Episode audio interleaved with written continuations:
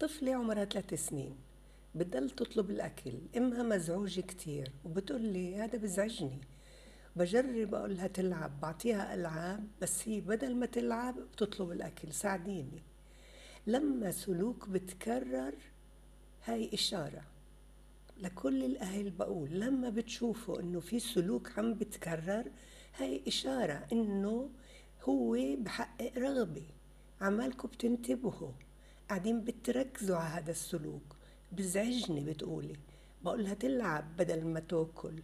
هون الطفل بحس إنه صار بالمركز. صارت أمي مزعوجة لأني أنا بطلب الأكل. صارت أمي تقول لي العبي بدل ما أخذ الأكل. يا يعني أنا بدي أكرر هذا السلوك لأنه بتنتبه لي. كل ما كررته أكثر كل ما انتبهت لي أكثر وانزعجت أكثر ويوم ورا يوم بصير عادي. فشو الحل؟ الحل الدراما. الدراما بتساعدها كتير بإنه أمدحها بالسلوك المستحب. بتكيش دراما؟ في قصص. أنا ألفت قصص كشكش للعلاج لهاي المسائل. مثلا كشكش لا يشبع ابدا.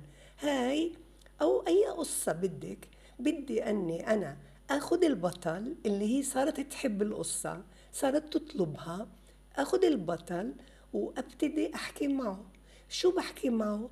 بحكي معه بتفوق عليه بسلوك بنتي. يعني قاعدة أنا بمدح بنتي بسلوكها المستحب وقاعدة بقول له أنت شفت يا كشكش ما أشتر بنتي؟ بدل ما أنك أنت تستصعب الدراما بتصيري أنت تحكي مع بطل قصة وبالحكي بتقولي له شفت سمعت انت سمعتها ما أحلى صوتها؟ يي يا ريتك تسمع. صوتها كتير حلو. انت لاحظت لما أنا بفوت على المطبخ بتركض لحتى تساعدني؟ ياي انتبه تسمع. انت شفتها لما خلصنا الأكل؟ كيف صارت تساعدنا وتدب معانا الطاولة؟ كل سلوك مستحب بتعمله بتركز عليه. والأكل بتجيبيش سيرته. الأكل هو السبب اللي خلاها تكرر السلوك هذا لأنها لما بتأكل أنت تنزعجي. وهيك يوم ورا يوم بتلاشى هذا السلوك غير المستحب لأنك كررت التركيز على المستحب. وبما أنه تكرر هي بتصير تكرر.